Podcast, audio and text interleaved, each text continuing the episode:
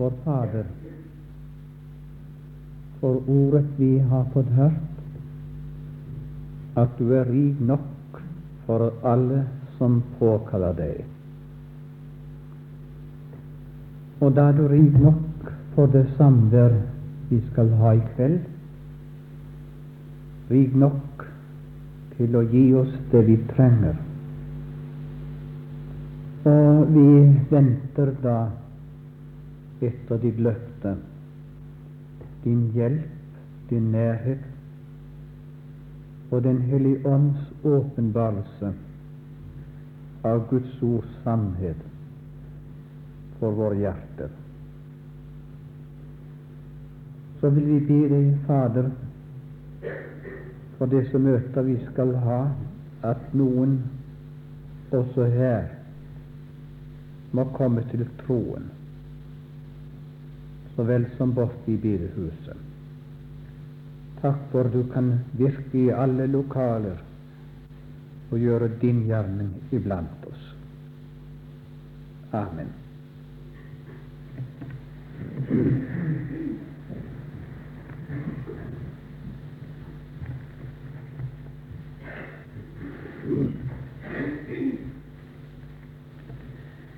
Som et utgangspunkt for det vi skal være samlet om i kveld, leser vi fra Hebreabrevet kapittel 2 og fra vers 9. Men den som var gjort lite ringere enn englene, Jesus, ham ser vi fordi han led døden, kronet med herlighet og ære, for at han ved Guds nåde skulle smake døden for alle.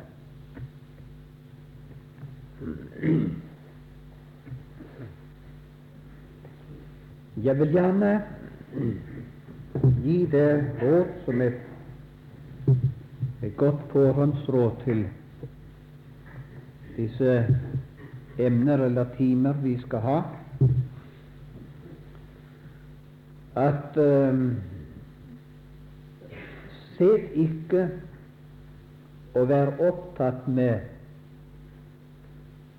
at du under møtene skal få en kjennbar, en følbar velsignelse. Mange troende de er kommet derhen i dag at det er om å gjøre på et møte å få en følbar velsignelse istedenfor å få en lære og undervisning. Og det siste, nemlig å lære, er mer nødvendig enn å oppleve en følbar velsignelse. Det er ikke Guds folk oppmerksom på alltid. Derfor skal ikke du kjenne etter om det er noe som gjør godt, og lete etter å få noe. Men du skal bare høre godt etter. Det er kunsten. Slappe av der du sitter. Skulle du være typen som må ha en par minutters lur, så bare ta den. Det gjør ikke noe. Så blir det så mye bedre når du våkner. Slapp godt av og ta det rolig, men anstreng deg bare å følge med.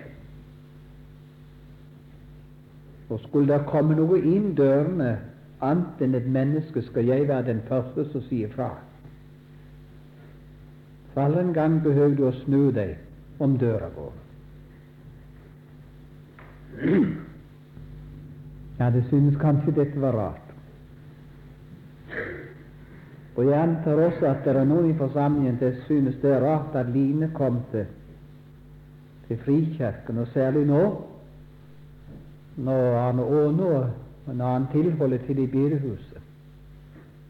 Saken er jeg visste ikke om det, for jeg kom i land i Flekkefjord. Og brødrene her kalte meg ikke til den uken. De skrev og spurte om jeg kunne komme en gang. Og så hadde jeg ledig denne uken.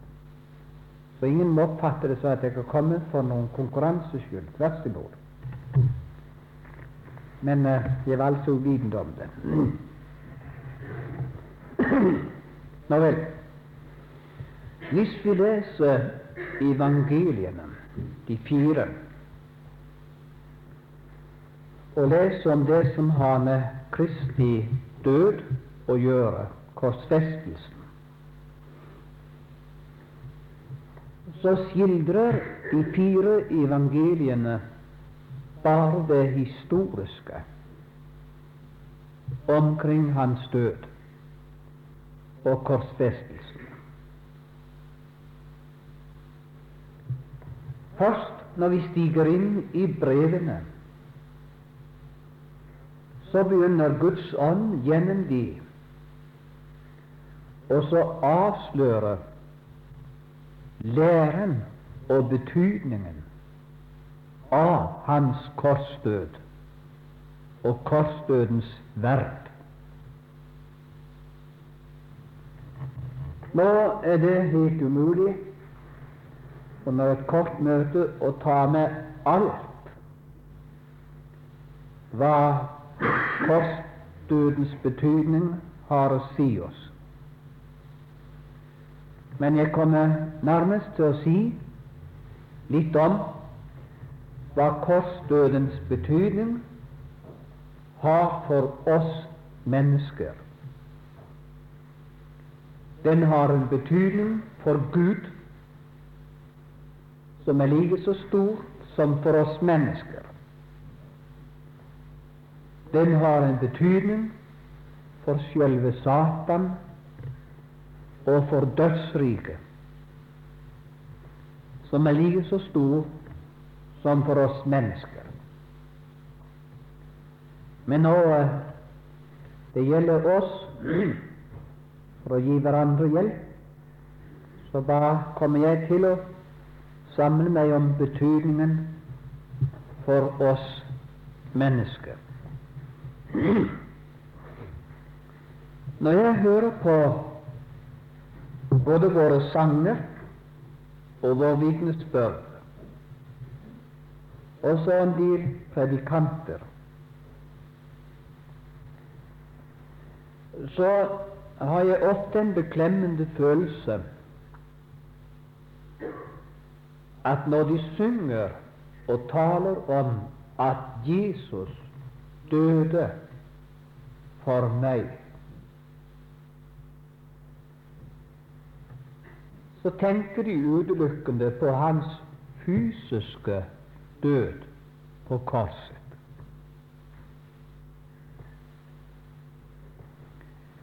Og taler de om Kristi stedfortredende død, så går tanken til hans fysiske død, altså da han utåndet Og lenger går ikke tanken og erkjennelsen hos mange. Hør, mine venner, både når du synger 'Han døde for meg', når du vitner 'Han døde for meg', og på en eller annen måte sier det, så må du legge en ganske annen betydning i det enn at han døde for meg fysisk.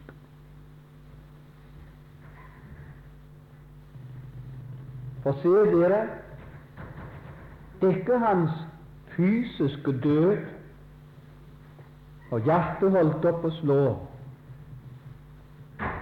Det er ikke den som er stedfortredende. Den har sin betydning i Kristi frelsesverk og Kristi forsoningsverk. Men det er ikke hans fysiske død som er stedfortredende. I, dag, i, I tilfelle det var så, da måtte vi slippe å dø fysisk. Og iallfall måtte de troende slippe å dø legemlig fysisk. Da skjønner du med en gang vi må legge en helt annen betydning i uttrykket Kristi sted for tredende død. Spør du så? Hva er det da som er stig på trærne med hans død, når det ikke var hans fysiske, hans legemlige død?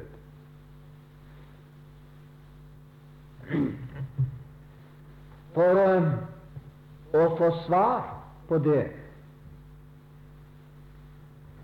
så vil jeg først gjøre oppmerksom på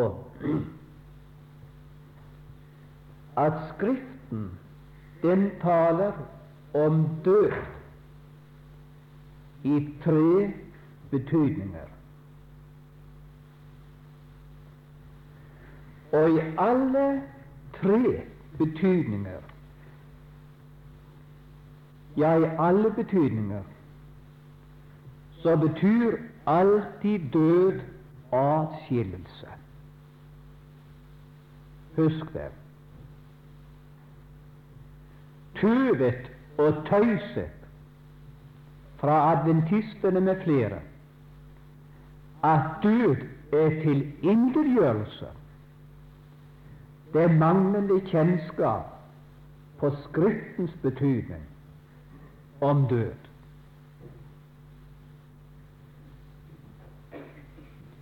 Død betyr alltid atskillelse, aldri tilintetgjørelse. Husk det. Og i Bibelen har vi om oss mennesker har vi død i tre betydninger. For det første har vi den fysiske, legemlig død. Den består i at sjel og ånd atskilles fra legemet. Legemet ligger igjen, sjelen og ånden går til et annet sted.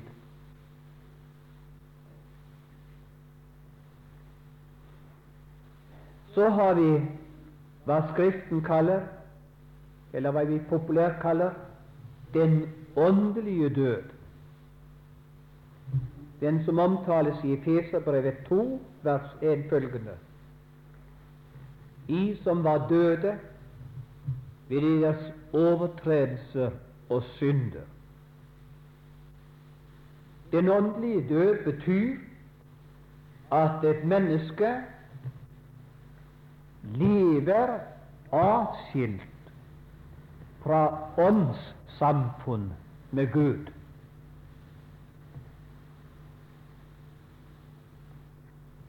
Og synd og overtredelse er årsak til at et menneske lever atskilt fra åndssamfunn med Gud I eders synder og i deres misgjerninger har gjort skilsmisse mellom Gud og eder, leser vi Isaias. Det er den åndelige død. Det mennesket som lever atskilt fra Gud, kan være religiøs og moral eksemplar av et menneske.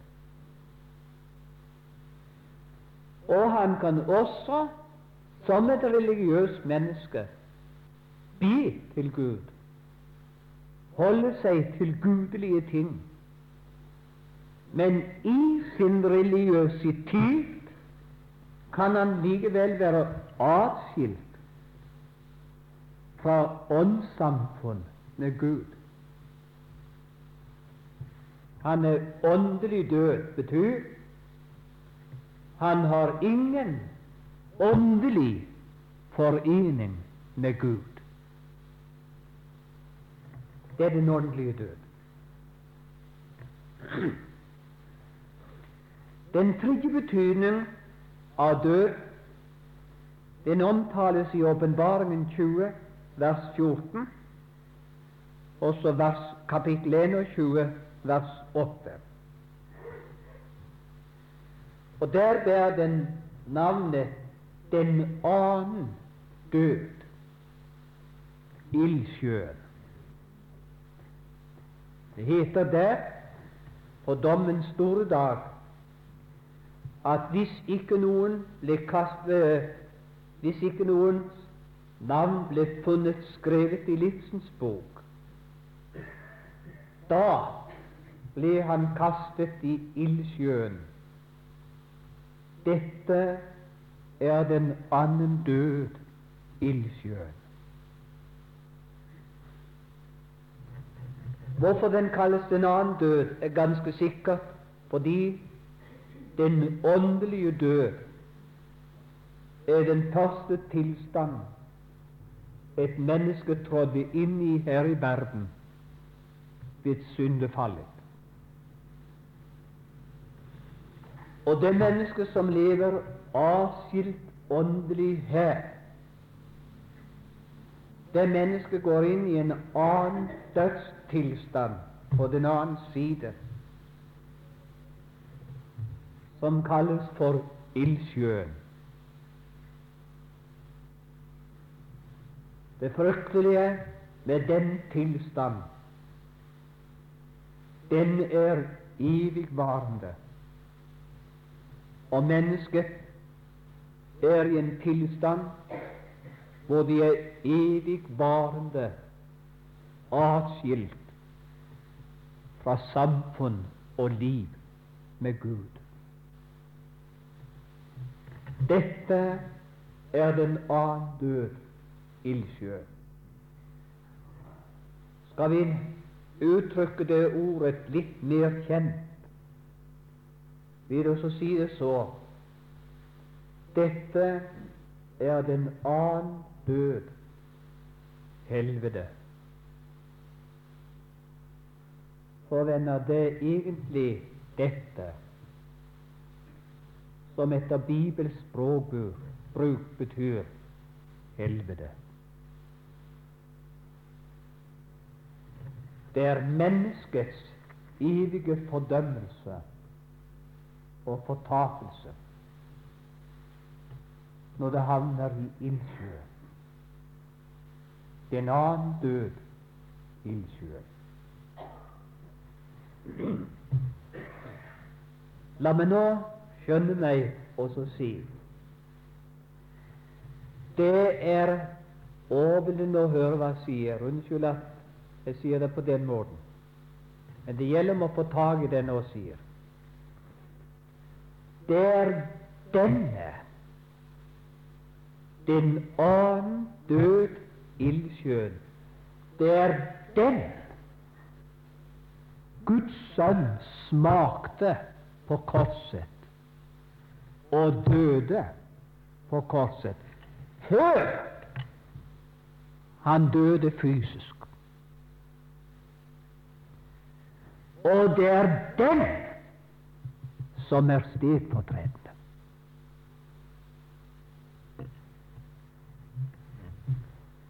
Og når det heter her i Hebreabrevet 2,9 Jesus, han ser vi fordi han led døden, kronet med herlighet og ære, for at han ved Guds nåde skulle smake døden for alle.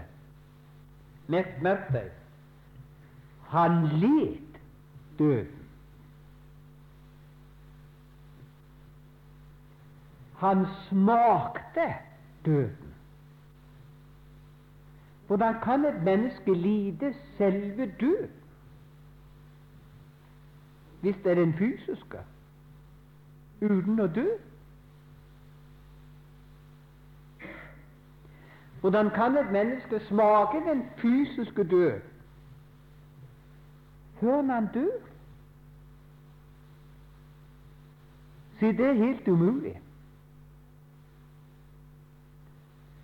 Men for Guds sønn gikk det an å både lide og smake den annen død, ildsjøen, før han døde fysisk. Og det var nettopp hva han gjorde. I forbindelse med dette så vil jeg gjerne ta fram et ord i Hebreabrevet 5.7 som er sikkert delvis misforstått av mange bibellesere.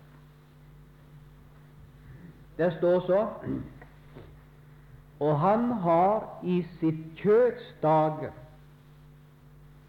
med sterk skrik og tårer frembåret bønner og nødråp til ham som kunne frelse ham fra døden.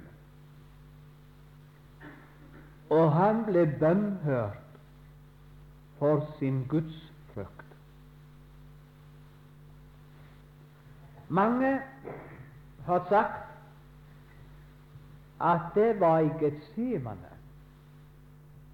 hvor han i sine kjødsdager under sterke skrik og tårer frambar bønner og nødråp om å få slippe korset.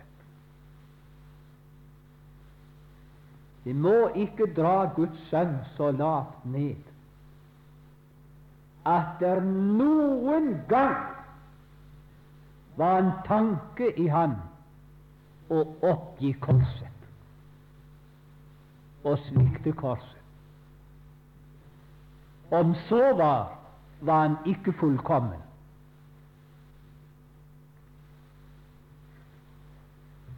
Det var langt fra den fysiske død. Det var langt fra den stivfortredende død.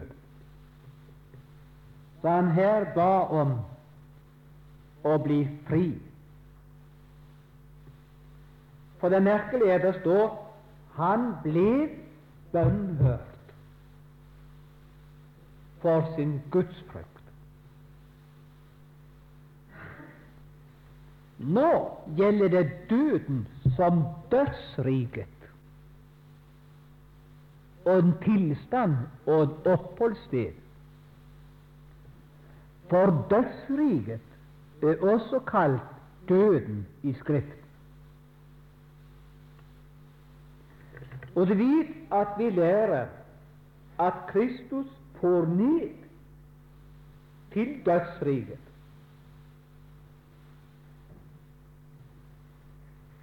Og det var oppholdet i dødsriket at han under sterke skrik og tårer ba at han måtte frelses ifra dødsriket for ikke å bli værende der nede. Og hvis du leser apostelgjerningene 2, 24, så forklarer Peter i talen på pinsedag at Gud oppreiste ham. Altså i oppstandelsen. Gud oppreiste ham idet han løste dødens veer ettersom han ikke kunne holdes av døden.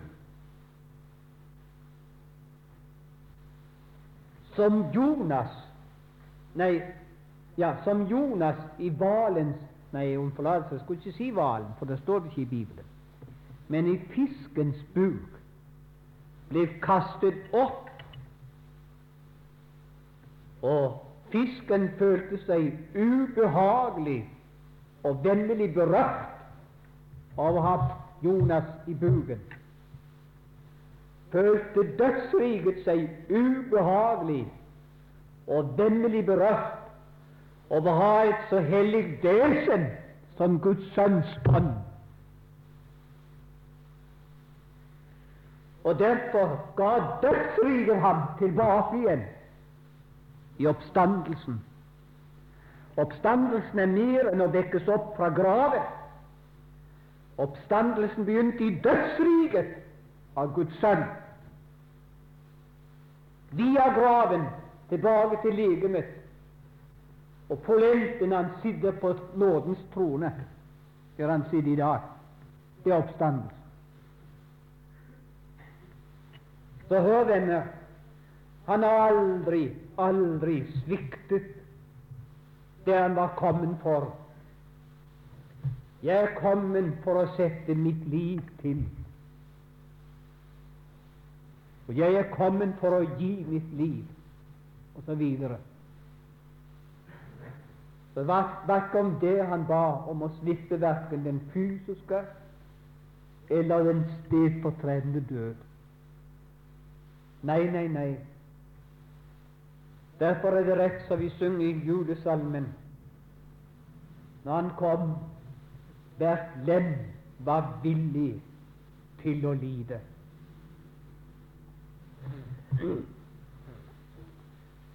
Når da Guds sønn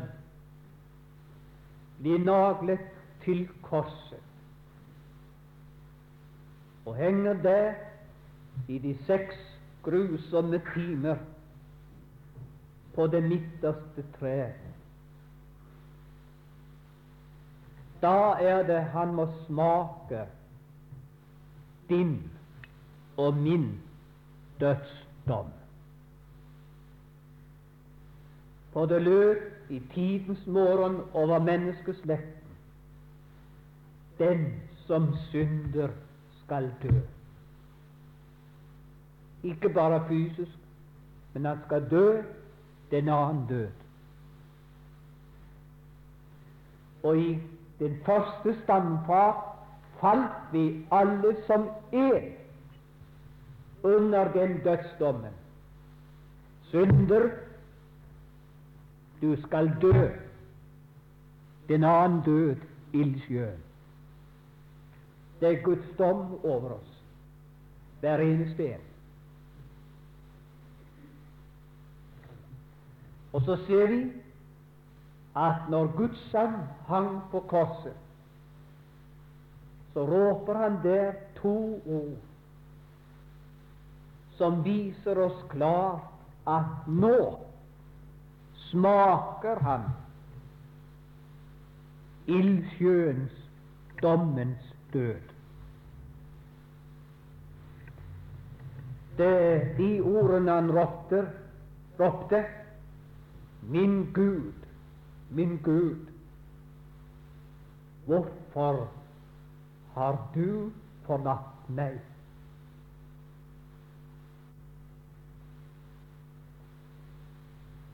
Himmelen er taus. Hadde han enda fått svar? Men nei.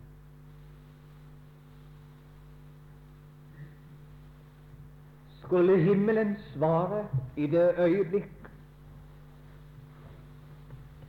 så måtte han svare slik Jeg har forlatt deg fordi du henger i synderens sted.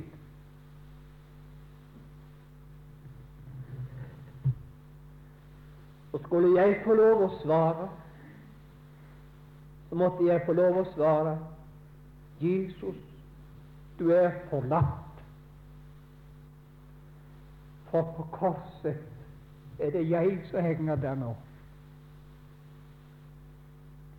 Jeg henger der i en annen person for Gud. Du, min venn, har lov å svare det samme, hvem du er.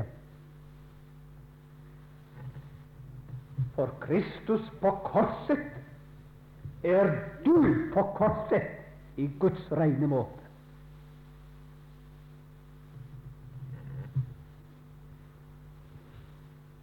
Det andre ord på korset, dere kjente Jeg tørster. Husker du en som Jesus fortalte om, som gikk fortapt? Pleier å kalle ham den rike mann. Ja, men det er lignelse. Det står da ikke i min bibel. Det står det i tøysekoppernes bibel. Men i min bibel står det der var en rik mann. Han hadde eksistert. Og der var en fattig mann ved navn Lasarus. Jeg merker meg at når Gud, når Jesus talte i lignelse, ble det alltid sagt på forhånd. Og han talte i lignelser. Eller han talte denne lignelse til det. Står det ikke om den rike mann og Lasarus? Venner, Lasarus eksisterer i herligheten i dag, så sikkert som du, der du sitter. Den rike mann eksisterer i fortapelsen i dag, så sikkert som du, der du sitter. For Jesus sa der var en. Så døde han. Så ble han begravet. Og så hadde Jesus sett hvordan det gikk ham i dødsriket, i ildsjøen, i den annen død. Slo han sine øyne opp, og så han Abraham langt borte og så led han av en fryktelig tørst. Send Lasarus og døppe det ytterste av, min, av sin ping i vann og svale min tunge. La det være et billedspråk, men det viser det er en sjels tørst i fortapelsen som aldri kan slukkes. Det er bare én ting som kan slukke sjelstørsten. Det er evangeliet.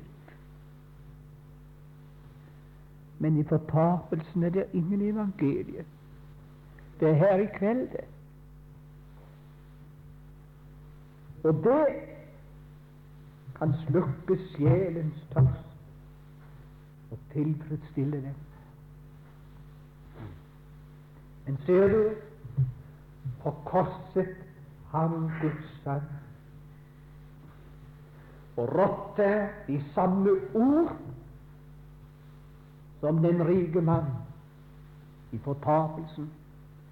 Jeg tørster. Hvorfor? Hvorfor tørster du, Jesus? Fordi du tror både Lasarus og den rike mann sine synder på seg og tok dommen på deg og tok straffen på deg. Og straffen betyr intet mindre enn at du måtte ta det evige helvete på deg i seks timer i synderens sted.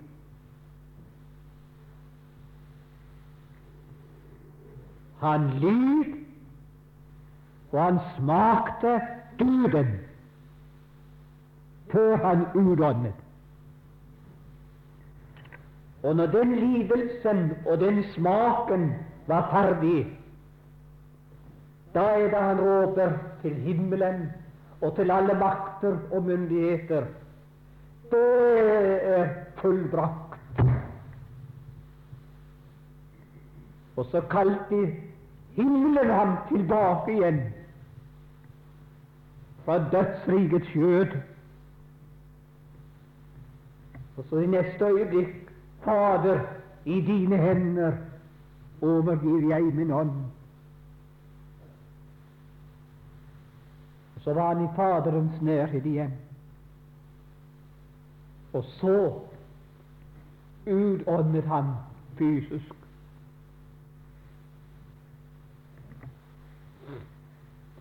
Og vet dere, venner, i det kristelige språk så har vi et uttrykk Han sonte min synd. Han døde for våre synder.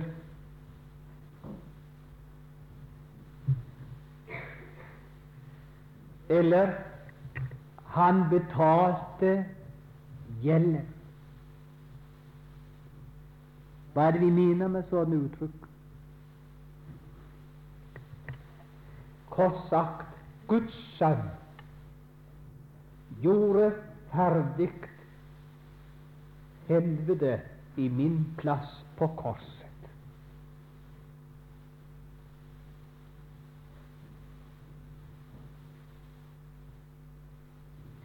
Han led helvete, smakte helvete. Smakte den evige fortapelse til bunns i mitt sted på korset.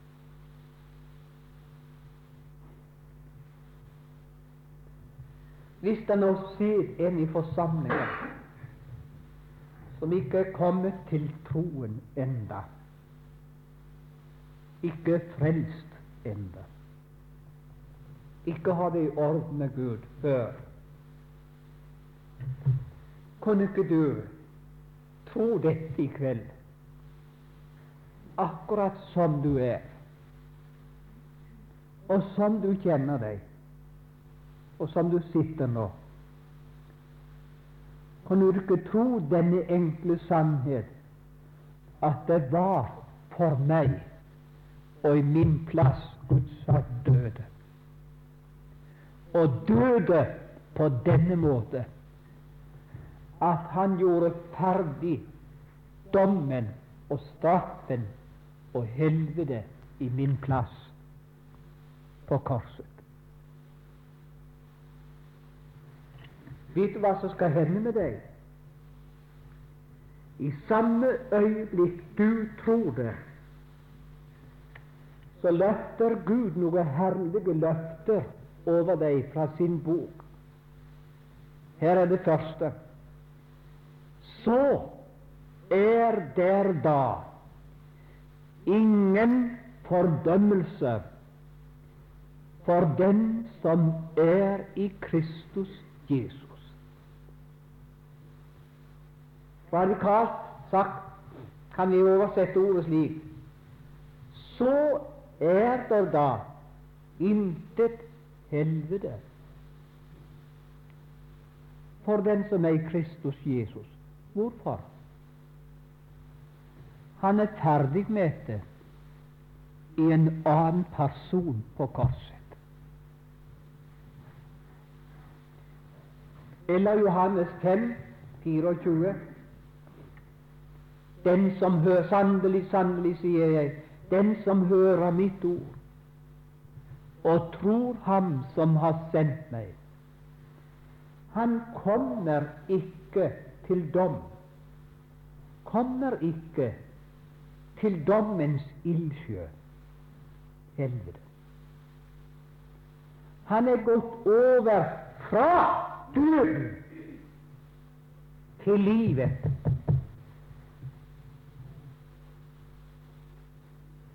Han var i dødens gap før han kom til troen.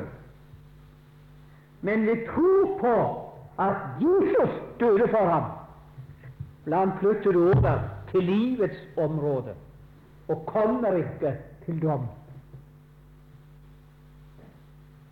Så sier Guds ord Og så får jeg slutte med å sitere hva Hope sa så godt en gang. En kristen, sa han, han kan sjå så langt fram han vil i Eva. Han skal aldri møte Kristus som sin dommer. Han skal alltid møte Han som sin frelser. Kjære Gud, hvor sant det Hvorfor? Jeg står her benådet. Jeg står her rettferdig opp. Ikke for jeg har konkret noen ting i spørsmålet, men jeg ble benådet uforskyldt, rettferdiggjort, uforskyldt, på grunnlag av at Kristus tok min plass på korset. Og fordi, fordi han tok min plass så fullkomment at det han gjorde, er tilregnet meg på en slik måte at jeg endog står for Gud med helvete lagt bak meg og ferdig med det, og kommer ikke til dom, er gått over fra døden til livet.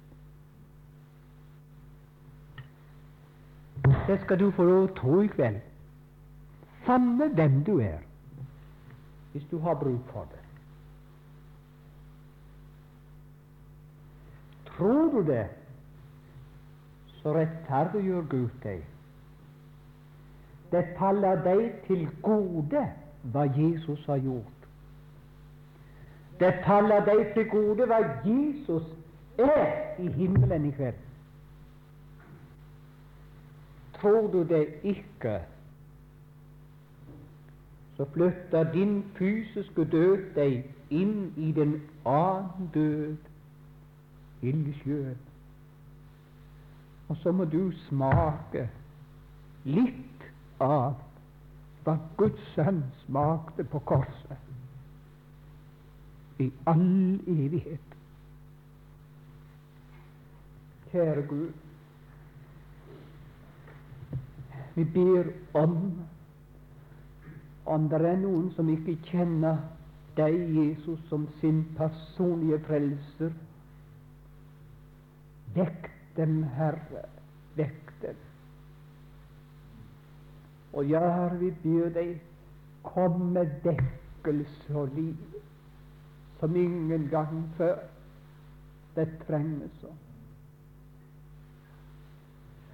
Men vi ber deg også, Herre, din ånd må ledsage de vakte og de kalte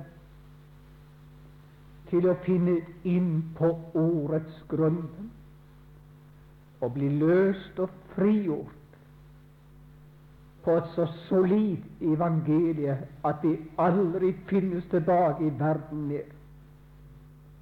Bønn hør oss, Fader, og la noen av de unge få gripe det vi har talt om i kveld og de eldre får kjenne enda større tryggheten av å være benådet i den elskede. Amen.